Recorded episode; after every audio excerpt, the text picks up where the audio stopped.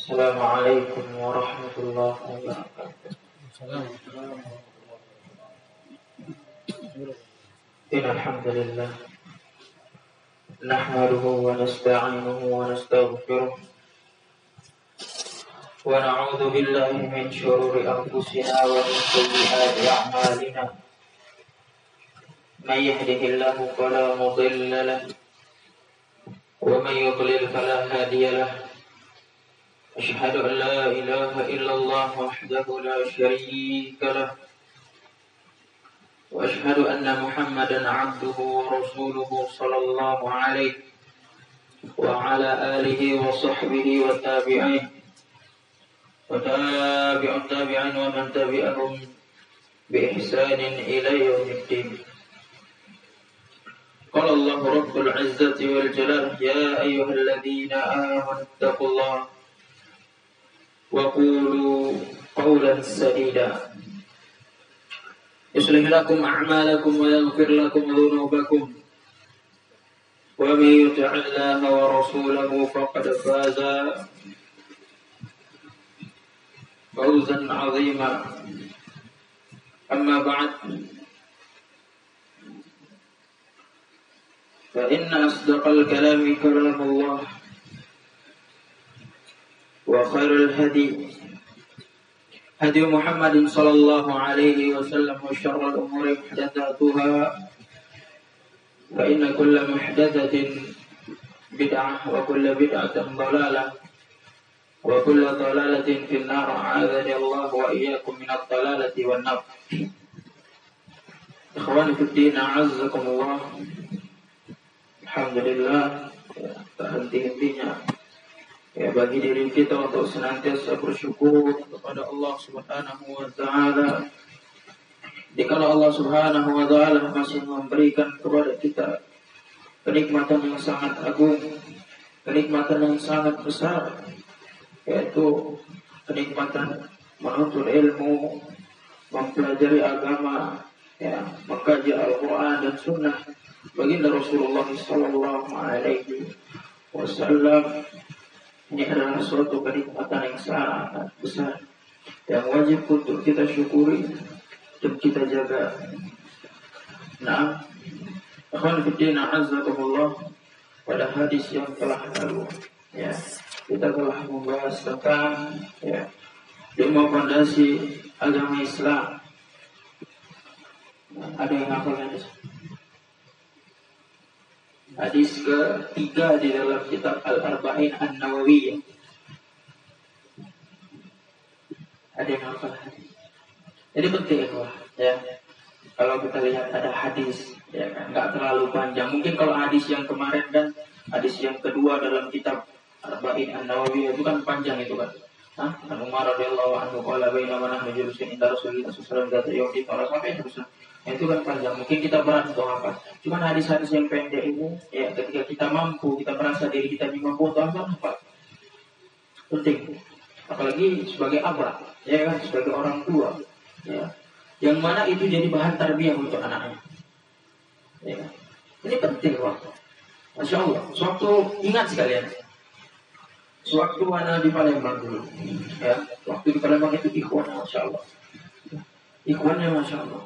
Kalau soal penuntut ilmu, kalau soal belajar, masya Allah, anak jaga uh, umur 60 bahkan ada yang udah pakai tongkat, udah tua kali.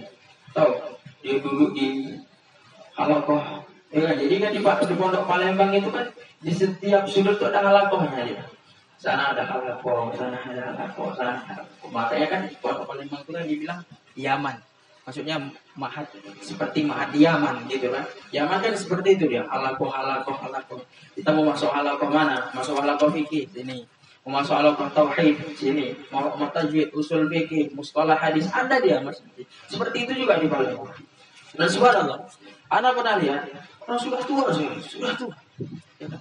Baca pakai kacamata aja gitu. Baca pakai kacamata. Ya. Tengok kan, ini bapak ini belajar apa?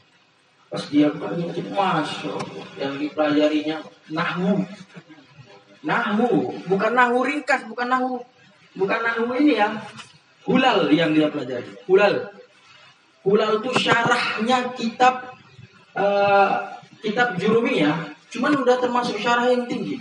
Dia belajar itu.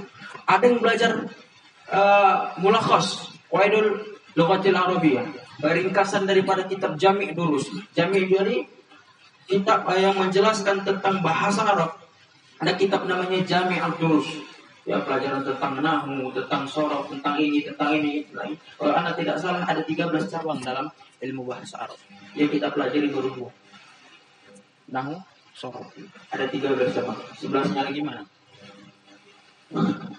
Saya belajar wah, bapak-bapak, sudah tua belajar, masya Allah. Mereka menghafal, mereka tidak ada yang tidak ada yang tidak mungkin bagi Allah Subhanahu wa taala. Ya. Tidak, tidak mungkin asal ada kemauan, ada keinginan bisa. Untuk mempelajari Al-Quran, untuk mempelajari sunnahnya Allah tidak buat susah. Allah buat mudah itu kita. Ya, kita menghafal Al-Quran. Nah pernah dengar cerita dari seorang ikhwah ya ada seorang ikhwah. Dulu ada seorang bapak-bapak ya. Dulu ada seorang bapak-bapak sudah tua sekali, masya Allah, sudah tua. Dia dulu beragama Hindu juga. Orang Belanda. Dia dulu beragama Hindu, orang Belanda. Kemudian Allah Subhanahu wa taala kenalkan dia hidayah Islam. Allah kenalkan dia dapat. Itu usia sudah sejarah, Masya Allah. Sudah kalau salah sudah mau 60 tahun, 60 tahun mungkin ya. Kurang lebih seperti itu.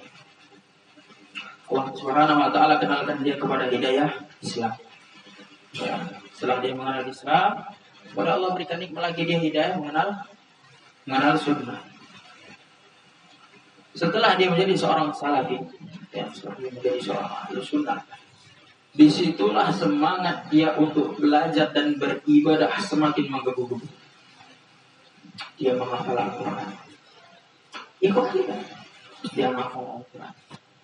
Pelan-pelan dia hafal Al-Quran ayat demi ayat dia baca dia bantu dengan sholat tahajud dia berdoa minta kepada Allah Subhanahu wa taala untuk mempermudahnya menghafal Al-Qur'an. Pelan-pelan seperti itu ayat demi ayat dihafal ayat usia sudah kalau kita berpikir ya secara logis oh, nggak mungkin lagi ya.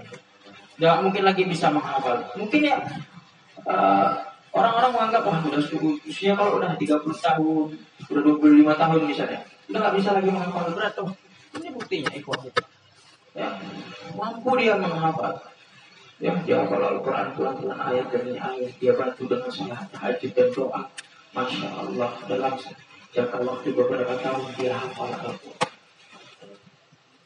Tidak ada yang tidak mungkin bagi Allah Subhanahu wa Ta'ala. Dia hafal Al-Quran. Dan main-main bukan sejus dua juz, tapi Al-Quran 30 juz. Terkadang dia simak itu santri. Bayangkan.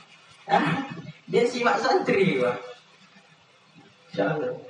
Kalau ada kemauan bisa. Tidak ada yang gak mungkin. Semuanya Allah wa Mulanya. Bagi kita ya. Jadi kalau kita lihat hadis-hadis pendek misalnya perkenaan tentang agama Islam, perkenaan tentang ini, tentang itu. Coba kita hafal, itu namanya. Nah, ajarkan kepada anak-anak Rasul Shallallahu Alaihi Wasallam bersabda seperti ini. Nah, Rasul Shallallahu Alaihi Wasallam mengatakan seperti ini. Indah. Itu baru ahli sunnah sejati. Ya, ahli sunnah sejati seperti itu. Nah, harusnya, ya, nah, ya, seperti katakan dari Palembang itu, itu dua belajar itu bersifat untuk ilmu menghafal bisa nggak bisa pokoknya hafal menghafal ada yang belajar nahu usia usia lima puluh tahun belajar nahu ada yang belajar kaidah kaidah bahasa Arab ya. Ada yang belajar hadis ada yang belajar tajwid. Ah. Masya Allah semangat mereka ya. Karena kalau kita lihat ya, ketika orang-orang bersemangat dalam menuntut ilmu karena dia memahami keutamaan karena kalau seandainya dia pahami keutamaan menuntut ilmu itu luar biasa. Dia akan bersemangat. Orang saja kalau cari dunia, dia anggap dunia itu betul-betul bermanfaat untuknya, pasti dia kejar. Pasti dia kejar. Sampai dapat. Dia pengen ini. Pasti dia kejar itu sampai dapat. Ilmu, ya. Mana kata Imam Ahmad bin Hambal, ilmu ini engkau lebih butuhkan daripada makan dan minum. Imam Ahmad mengatakan seperti itu. Orang makan dan minum satu hari dua kali, eh satu hari dua kali itu cukup. Satu hari sekali pun cukup. Tapi ilmu, ilmu setiap hembusan nafas kita butuh kepada ilmu.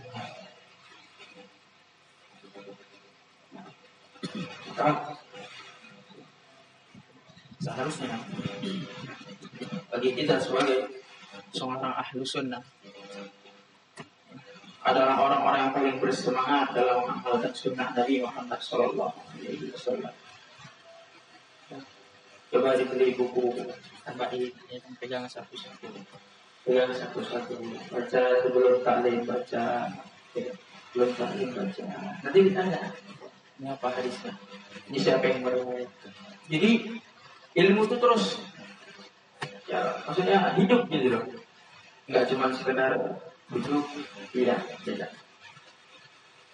Tapi ada yang kita mau bawa ya. ada manfaat yang kita bawa dari dari kajian harusnya seperti itu. Ya, insya Allah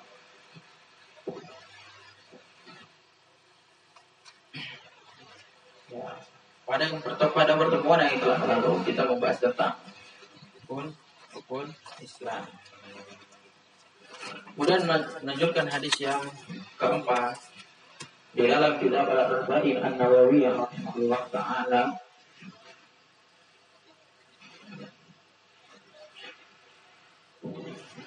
Judul hadisnya adalah al-a'malu bil khawatim. Amalan-amalan seorang hamba itu tergantung pada pada akhirnya, pada akhir amalan. Ini suaranya putus-putus. Pakai aja enggak? Pakai aja. Salah Ya. Al-a'malu bil khawatim. Amalan-amalan seorang hamba itu tergantung pada pada akhir daripada kehidupan. Namun di dalam hadis ini sebelum Nabi Shallallahu Alaihi Wasallam menjelaskan tentang amalan seorang hamba pada uh, akhir kehidupannya, Nabi SAW menjelaskan dahulu tentang penciptaan manusia. Ya, penciptaan manusia, peletakan takdir seorang hamba ketika dia masih di dalam perut perut ibunya.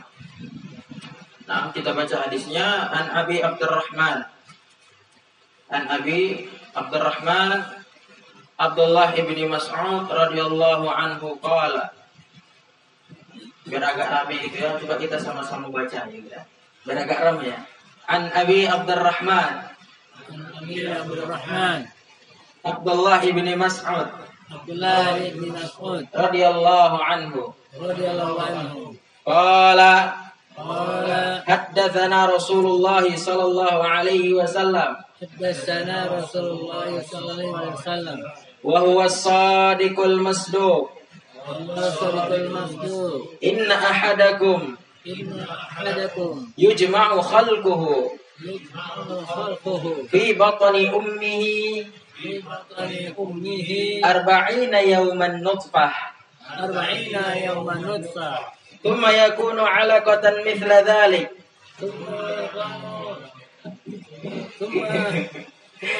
ثم يكون علقة ثم يكون على نقطة مثل ذلك. مثل ذلك. ثم يكون ثم يكون مضغة مثل ذلك. مضغة ثم يرسل إليه ثم يرسل إليه الملك.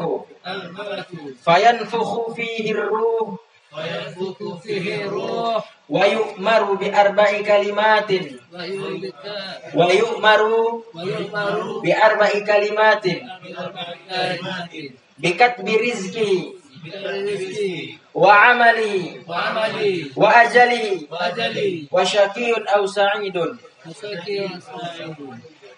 فوالذي لا إله فوالذي لا إله غيره Inna ahadakum Inna ahadakum la ya'malu ahli al jannah hatta ma yakuna bainahu wa bainaha illa dhira'un fayasbiqu alaihi al kitab, alaihi alkitab. Fayamalu bi amali ahli an-nar. Fayadkhuluha. وإن أحدكم وإن أحدكم ليعمل بعمل أهل الجنة بعمل بعمل أهل النار بأهل النار حتى ما يكون حتى ما يكون بينه وبينها إلا ذراع فيسبق عليه الكتاب فيعمل بأعمال أهل الجنة فيدخلها فيدخلها رواه البخاري ومسلم رواه البخاري والمسلم Nah, an Nabi Abdurrahman Abdullah ibni Mas'ud. Ini adalah Abdullah ibni Mas'ud. Ya. Jadi ada seorang sahabat, eh ada sahabat yang mempunyai nama Abdullah. Ya, para ulama menyebutkan al-abadilah al-arba'ah. Empat orang Abdullah. Yang pertama adalah Abdullah ibni Mas'ud. Yang kedua ad- adalah Abdullah ibni Umar. Yang ketiga adalah Abdullah bin Amr bin Al-As. Yang keempat adalah Abdullah bin Abbas. Masya Allah. Al-Abadilah Al-Arba'ah. Empat Abdullah. Dan hadis ini diriwayatkan oleh Abdullah bin Mas'ud. Ha, beliau punya kunyah namanya Abdi Abi Abi Abdi Abi Abdurrahman.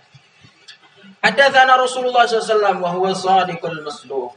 Ya, dia menceritakan, dia mengatakan telah ber, telah menceritakan kepada kami Nabi Muhammad sallallahu alaihi wasallam wa huwa sadiqul masduq. Beliau adalah orang yang benar lagi dibenarkan. Al Imam Ibnu Daqiq menyebutkan yang yang, yang dimaksudkan dengan wa huwa sadiqul masduq, dia benar lagi dibenarkan. Ya, qala al Imam Ibnu Daqiq Ibnu Daqiq rahimahullah mengatakan wa huwa sadiqul masduq ay as-sadiq fi qawlihi al-masduq fi ma ya'tihi min al-wahyil karim. Wa huwa as-sadiq maksudnya beliau benar yaitu as-sadiq fi qawlihi, benar pada ucapannya. Ya, jujur, senantiasa benar dalam berucap ya senantiasa jujur. Sebelum Nabi Shallallahu alaihi wasallam diangkat jadi nabi dan rasul, orang-orang Quraisy sudah percaya. Memang orang memang Nabi SAW adalah orang yang tidak pernah berdusta. Sebelum beliau diangkat jadi nabi dan jadi rasul, orang-orang sudah percaya sama beliau. Memang orang itu tuh ya digelar dengan al-amin. Orang yang dapat dipercaya. Namun setelah ya, Allah Subhanahu wa taala angkat beliau jadi nabi dan rasul ya membawa risalah, memegang kalimat tauhid la ilaha illallah. Jauh sekali perbedaan. Mereka, mereka mengatakan ya, illa apa? Mereka mengatakan qalu sahirun aw majnun. Yang dulunya mereka anggap Nabi Muhammad SAW adalah orang yang paling jujur, tidak pernah berdusta. Setelah Nabi SAW diangkat jadi Nabi dan Rasul, mereka mengatakan jauh sekali sahirun aw majnun. Ini Muhammad ini penyihir. Muhammad ini orang gila. Muhammad ini pendusta. Siapa? Itulah dari makna daripada as-sadiq fi qawlihi yaitu beliau benar, jujur pada ucapannya awal masduq fima ya'tihi minal wahyil karim. Dan dibenarkan ya, apa yang dibenarkan yaitu wahyu yang mulia yang beliau bawa. Memang Nabi Shallallahu Alaihi Wasallam ketika berucap, ketika beramal, tidaklah semua itu sesuai dengan keinginannya, sesuai dengan kemauannya tidak. Tetapi itu adalah wahyu yang Allah Subhanahu Wa Taala wahyukan kepadanya. Ya. Wa ma yantiqu 'anil hawa kata Allah, in huwa illa wahyu yuha. Tidaklah yang dikatakan oleh Muhammad itu sesuai dengan hawa nafsunya. In huwa illa wahyu yuha, melainkan itu adalah wahyu yang Allah Jalla wa ala wahyukan kepadanya. Kemudian Nabi SAW mengatakan inna hadakum yujma'u khalquhu fi batni ummihi arba'ina yawman nutfah. Sesungguhnya salah seorang dari antara kalian ya, dikumpulkan penciptaannya, penciptaannya. Ini menjelaskan tentang penciptaan seorang bayi, ya, seorang anak pada pada perut ibunya. Arba'ina yawman nutfah. Pertama ada pertama itu mani ya, maaf, mani selama 40 hari. Ya. Jadi kan eh, apaan? maninya seorang lelaki, sel sperma seorang lelaki bertemu dengan sel telurnya perempuan, ya kan? Jadi selama 40 hari menjadi mani, kemudian Suma yakunu alaqatan mithla dhalik. Kemudian 40 hari lagi jadilah dia segumpal darah. Darah dulu, baru daging. Pertama mani, nutfah. Ya, nutfah artinya mani. Ya. Kemudian alaqah segumpal darah. Ya, 40 hari juga. Ya. Suma yakunu mudghatan mithla dhalik. Kemudian 40 hari lagi jadilah segumpal daging. Jadi berapa itu? 40, 40, 40, 40, 80, 120. 120 baru jadilah dia jadi segumpal segumpal daging. Ya. Thumma yursalu ilaihil malak. Ya, setelah eh, 120 hari tadi diutuslah seorang malaikat yang memang ditugaskan untuk eh, soal rahim, ya, soal janin. Tuma yursalu ilaihil malak. Diutuslah seorang malaikat. Fayan fihi ruh. Ya, ditiupkanlah pada janin tadi roh. Ditiupkanlah pada janin tadi roh. Jadi sebelum 120 hari itu belum ada roh. Berarti kalau 120 hari itu berapa bulan? Bu? Empat, ya? Empat bulan. Baru ada baru ada. Di sini kita melihat sebuah faidah. Eh, Kita melihat betapa besar rasa kasih sayangnya Allah, betapa besar rasa cintanya Allah pada kita belum kaya. Buktinya apa? Allah memutus satu malaikat untuk menjaga kita di. Ya. Allah Subhanahu wa taala mengutus malaikat kepada kita ya ketika kita berada di dalam janin. Ketika lahir kita di dunia, Allah mengutus malaikat. Ketika kita mati, Mengutus juga malaikat. Ini adalah salah satu bentuk dari kasih sayangnya Allah Subhanahu wa taala. Nah, ada sedikit faedah berkenaan tentang janin. Berkenaan tentang janin, ya ada sedikit faedah bahwasanya ulama-ulama Hanafiyah mereka mengatakan ulama-ulama Hanafiyah mengatakan janin boleh digugurkan ketika umur janin belum 120 hari.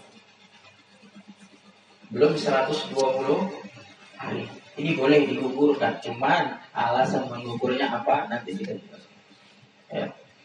Boleh janin bayi itu digugurkan kalau belum sampai 120 hari. Ini mazhab Hanafiyah. Ini perlu dicatat. Ya, jadi untuk menambah wawasan kita. Kita akan sebutkan mazhab-mazhab nanti. Bagaimana pendapat mereka tentang hal ini.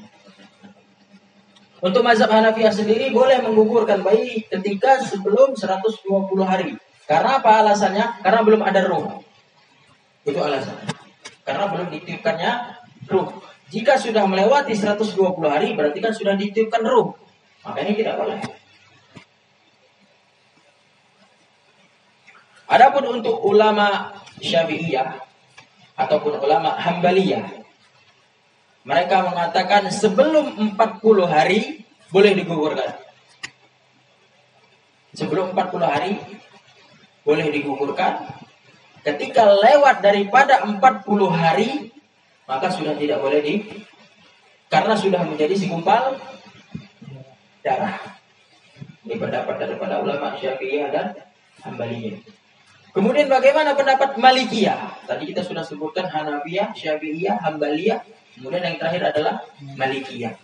Pendapat Malikiyah mengatakan tidak boleh menggugurkan janin ya ketika sel sperma laki-laki sudah bertemu dengan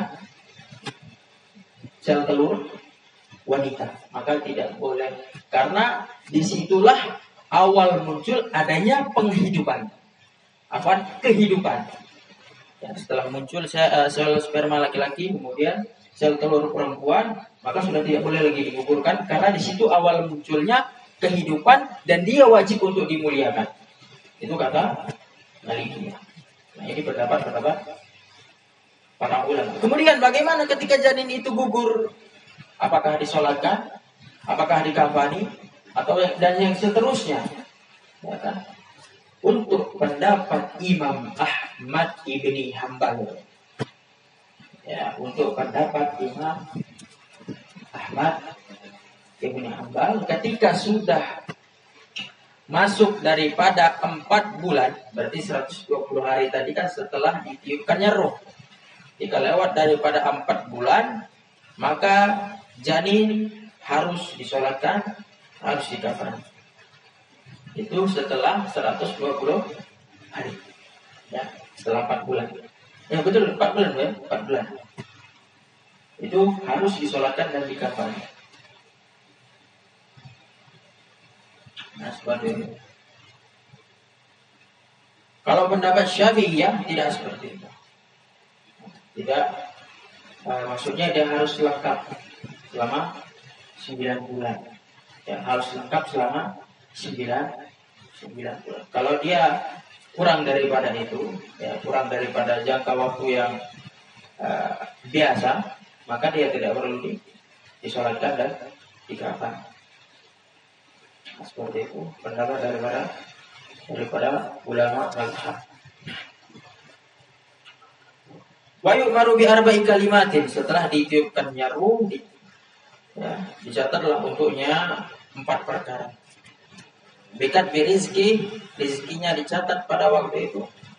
Maksudnya diberikan ya. Rezekinya, ajalnya, amalnya, bahagia atau tidaknya. Loh, ini tetapi di dalam hadis Rasulullah SAW mengatakan kata Allah maqadirul khalaik qabla an yakhluqas samawati wal ard ya khamsina alfasana.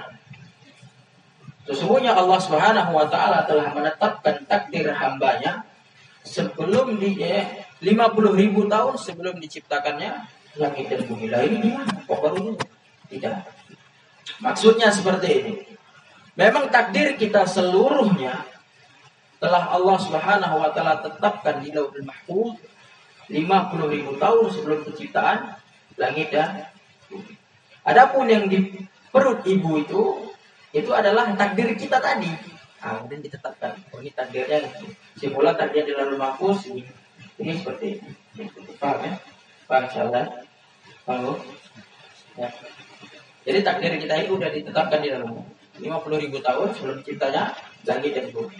Adapun yang di perut ibu itu yang yang ditetapkan pada kita tadi itu apa yang telah ditetapkan 50 ribu tahun. Paham ya? Bikat birizki telah ditetapkan rezekinya.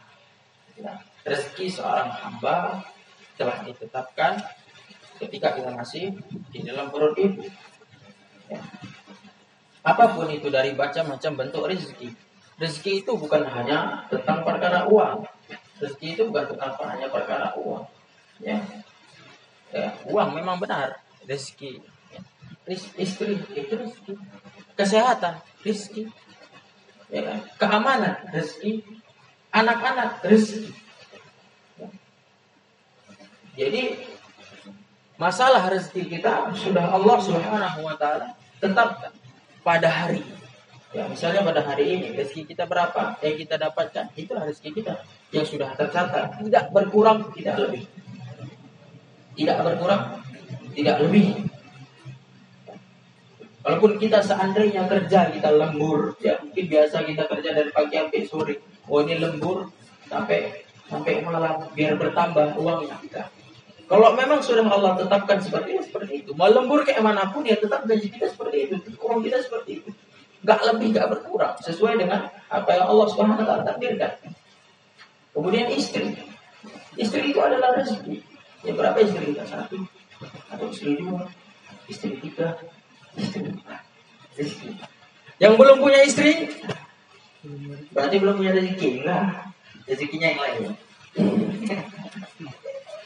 ya, belum punya istri enggak. Allah Subhanahu Wa Taala tetap telah tetapkan. Kapan waktunya? Ya Allah Subhanahu Wa Taala tetap. Ada yang punya anak, punya satu, punya dua, punya tiga, punya lima, punya sepuluh. Itu belum punya anak itu rezeki juga. Sabar, ya sabar. Nanti Allah swt berikan kepada kita anak. Ada waktunya, ada masanya. Inna kulla syai'in khalaqnahu biqadar. Segala sesuatu itu telah diciptakan sesuai dengan takdirnya. Ya. Jika rezeki kita dicatat. Wa ajali. Wa ajali. Ajal kita.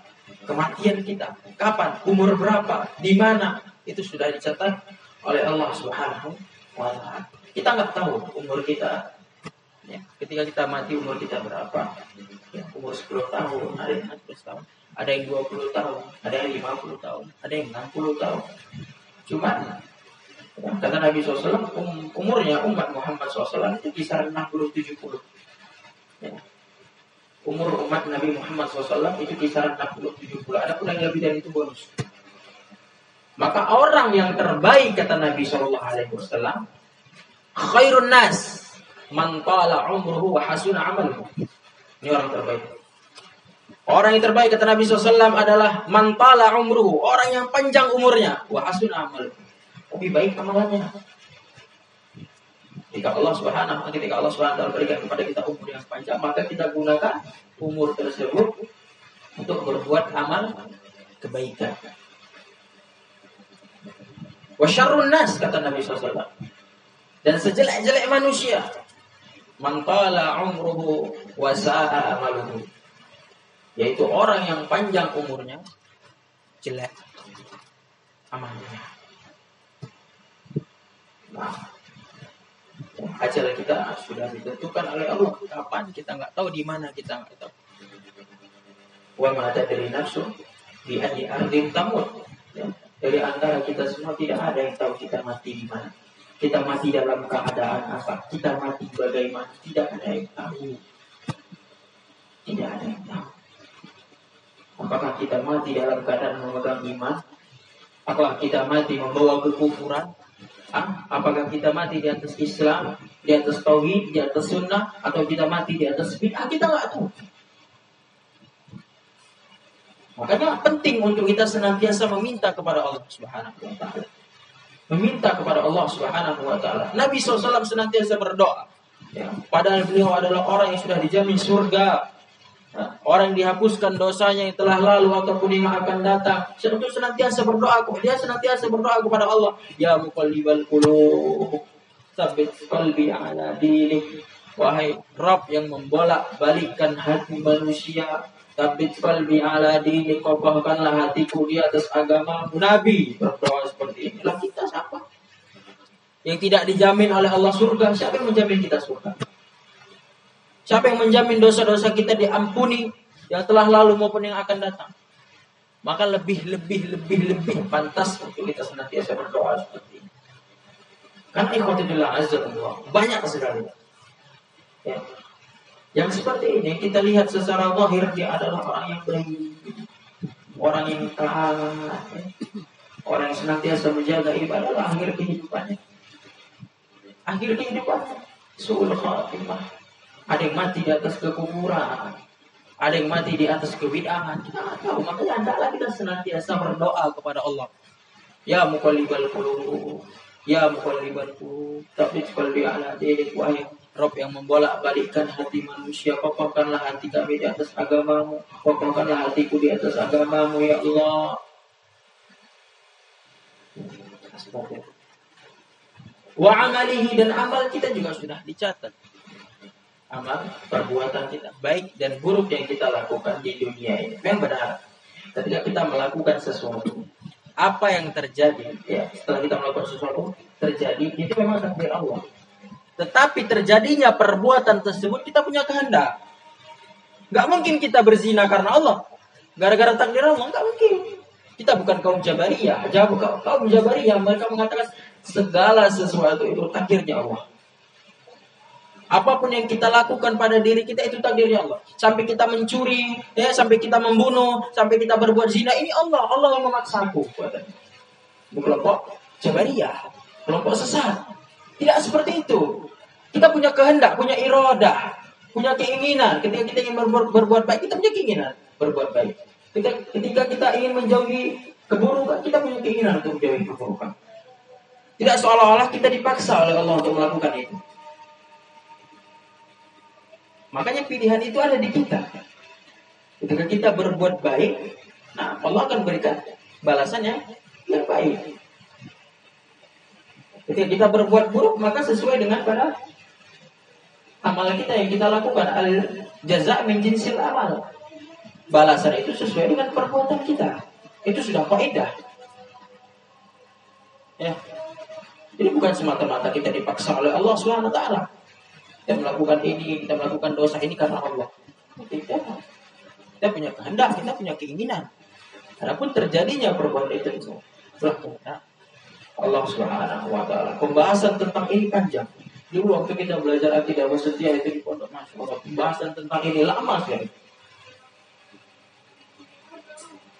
Maka penting untuk belajar tauhid, untuk belajar akidah yang benar.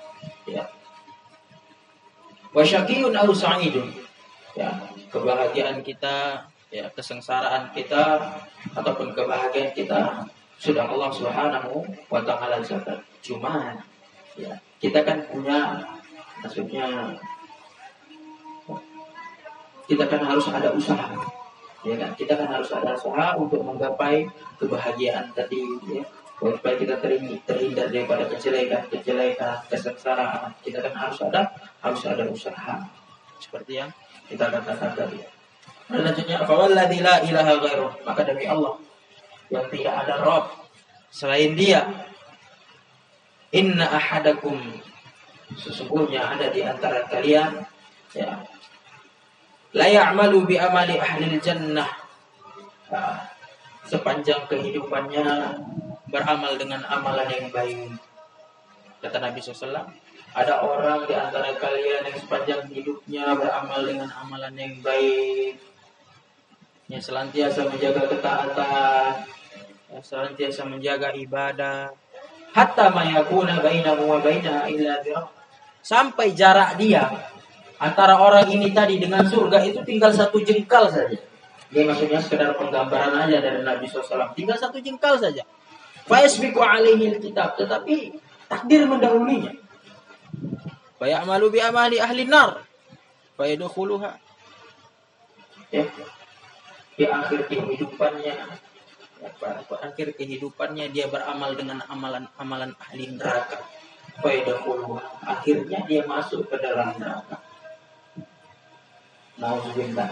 Nauzubillah. Nasallallahu alaihi Kemudian wa inna ahadakum ada salah seorang di antara kalian kata Nabi SAW la ya'malu bi amali ahli nar. Ya, hari-harinya beramal dengan amalan ahli neraka. Senantiasa beramal dengan amalan ahli neraka.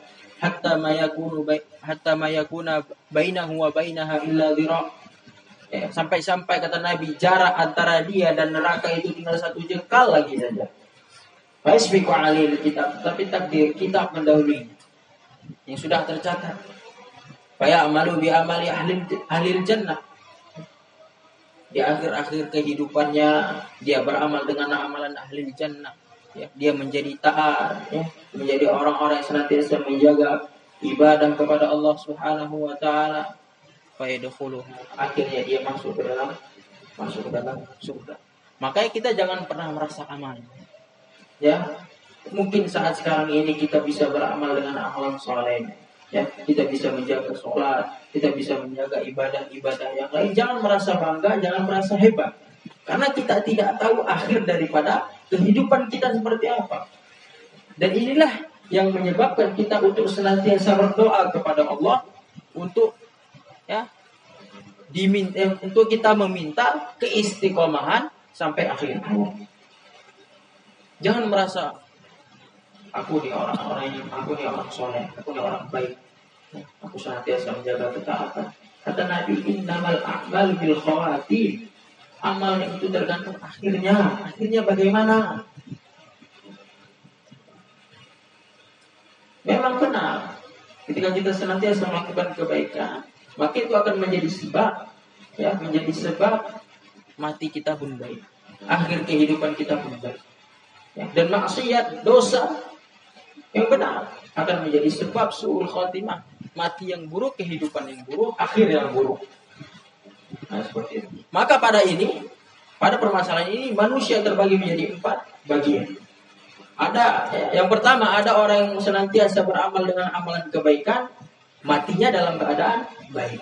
Itu yang pertama. Orang yang senantiasa melakukan kebaikan, matinya dalam keadaan baik. Yang kedua, ada orang yang senantiasa melakukan amalan keburukan, dosa dan maksiat, matinya ya dia mendapatkan kehidupan atau akhir yang yang buruk. Ya. Ada orang yang beramal senantiasa sebagian besar daripada kehidupan yang beramal dengan amalan soleh, amalan yang baik, taat kepada Allah. Eh, rupanya akhir kehidupannya dia, akhir kehidupannya dia khotimah. Ya, mendapatkan kehidupan yang buruk, akhir yang buruk. Ada orang yang beramal dengan amalan keburukan. Sebagian besar kehidupannya ya, dia beramal dengan amalan keburukan. Tetapi pada akhir kehidupannya dia menjadi baik, dia menjadi soleh, dia menjadi taat, akhirnya dia masuk ke dalam surga Allah mendapatkan husnul husnul khotimah. Nah ini kenapa? Ya, Iman. Iman naik turun. ya benar. Iya benar. Iman itu naik turun. Ya kapan iman itu naik? Ketika kita senantiasa melakukan ketaatan. Benar loh. Makanya kata para ulama al imanu yazidu wa yanqus. Iman itu bisa naik, bisa dia turun. Ya kan? Iman itu bisa. Yazidu bi taatir rahman wa yanqusu bi taatis syaitan. Kapan iman itu naik? Ketika kita senantiasa melakukan ketaatan. Ketika kita senantiasa melakukan ketaatan ibadah kita jaga ya kan sholat kita jaga sholat sholat sunnah kita jaga qiraatul Quran membaca Al Quran kita jaga maka Allah Subhanahu Wa Taala akan menaikkan iman kita iman kita akan naik Kenapa orang bisa senantiasa berbuat dosa dari satu dosa jatuh kepada dosa yang lain, ya dari satu maksiat kepada maksiat yang lain? Karena apa? Karena dia tidak menjaga ibadah. Dia mengabaikan perintah-perintah Allah. Seperti itu. Walaupun kecil. Betul. Makanya kata Nabi SAW, La tahkiran minal ma'rufi syai'ah. Jangan kalian sepelekan kebaikan walaupun itu kecil. Walaupun cuma sedekah seribu misalnya, seribu, dua ribu. Jangan sepele kata Nabi. Ittaqun nar walau bisyikku tamro'ah. Kata Nabi SAW, ya, takutlah kalian kepada neraka walaupun hanya dengan menyedekahkan sepotong kurma. Lihat. Jadi kebaikan itu walaupun kecil jangan disepelekan. Walau antal ma'akhaka biwajhi talqin kata Nabi SAW. Jangan sepelekan perkara yang kecil dari kebaikan. Walaupun kamu bertemu dengan saudaramu dengan wajah yang senyum. Tabassum fi wajhi akhi fi wajhi akhika sadaqah. Engkau senyum kepada saudaramu itu adalah saudara. Ya udahlah, aku nggak mau saudara harta lah, mau saudara senyum aja. Ya nggak gitu juga. Itu kan sedekah yang paling yang paling kecil, tidak mengeluarkan harta tenaga. Nah, seperti itu. Dan kisah-kisah ini banyak ya teman. Ada orang-orang yang dulu beramal dengan amalan kejelekan, amalan keburukan, tapi akhir kehidupannya menjadi baik. Satu contoh, pembunuh 100 jiwa. Pembunuh 100 jiwa. Bagaimana dosanya? Man qatala mu'minan muta'ammidan fajaza'u jahannam. Barang siapa yang membunuh satu orang saja, fajaza'u jahannam, maka balasannya adalah jahannam. Barang, barang siapa yang menjaga seorang yang beriman, maka seakan-akan dia menjaga orang beriman seluruhnya. Barang siapa yang membunuh satu orang yang beriman, maka seakan-akan dia membunuh seluruh. Bagaimana dengan 100 jiwa? Tapi akhir kehidupannya, dia menjadi baik. Ya. Dia ada keinginan untuk bertobat kepada Allah Subhanahu Wa Taala. Akhirnya Allah Subhanahu Wa Taala masukkan dia ke dalam dan surga. Pelacur yang hidup di zaman banyak sekali. Bagaimana dosanya? Dia memberikan apa namanya? Minum seekor anjing. Dengan sebab itu Allah masukkan dia ke dalam ke dalam surga. Akhir kehidupannya baik. Gitu ya. Ada orang yang di dalam kehidupannya senantiasa berbuat baik, namun akhir kehidupannya buruk. Akhirnya Allah masukkan dia ke dalam neraka. Ada seorang ada suatu kisah seorang muazzin. Ya, mungkin sebagian yang pernah mendengar kisahnya. Seorang muazzin dia azan di tempat yang tinggi. Ya, ketika dia mau azan, dia lihat ada seorang wanita cantik sekali, masya Allah. Hatinya tertarik, ya, terpesona dia melihat wanita ini. Dia turun, ya, dia nyatakan bahwa dia suka sama wanita itu. Wanita itu Nasrani rupanya. Dan ini seorang muazzin. Orang yang senantiasa berbuat kebaikan. Memanggil orang untuk sholat. Ya baik gak baik. Karena dia lihat wanita itu, makanya fitnah wanita ini besar sekali. Mata di fitnah dan adara ala rijali minan nisa. Betapa banyak orang yang dulu istiqomah, ya, akhirnya terplanting karena seorang wanita. Karena fitnah yang paling besar untuk laki-laki adalah fitnah wanita. Banyak nanti pada pertemuan yang selanjutnya akan kita akan kita bahas. Nah, menjelaskan tentang muazzin ini tadi, muazzin ini tadi, jadi dia dekati seorang wanita itu dia menyatakan cintanya kepada seorang wanita tadi. Cuman wanita ini rupanya Nasrani, Kristen. Ya, laki-laki ini mengajak untuk menikah. Tapi wanita ini mengatakan, oke okay, aku mau nikah dengan kamu asal kamu masuk ke agama aku, kamu menjadi Kristen. Dia menuruti perintah wanita tadi akhirnya dia masuk dalam Kristen dan dia mati dalam keadaan kafir. Maka adalah bila zamullah kita jangan merasa aman, kita jangan merasa ya kita sudah baik, kita sudah pasti mati dalam keadaan khusnul khotimah.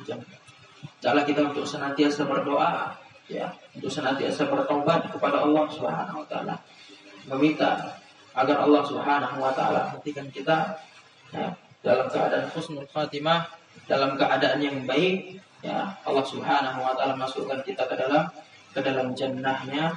Amin. Amin. Allahumma amin. Kita lanjutkan pada pertemuan yang berikut. Subhanakallahumma rabbana wa bihamdik asyhadu an la ilaha illa anta astaghfiruka wa atubu ilaik. Subhanakallah Assalamualaikum warahmatullahi wabarakatuh.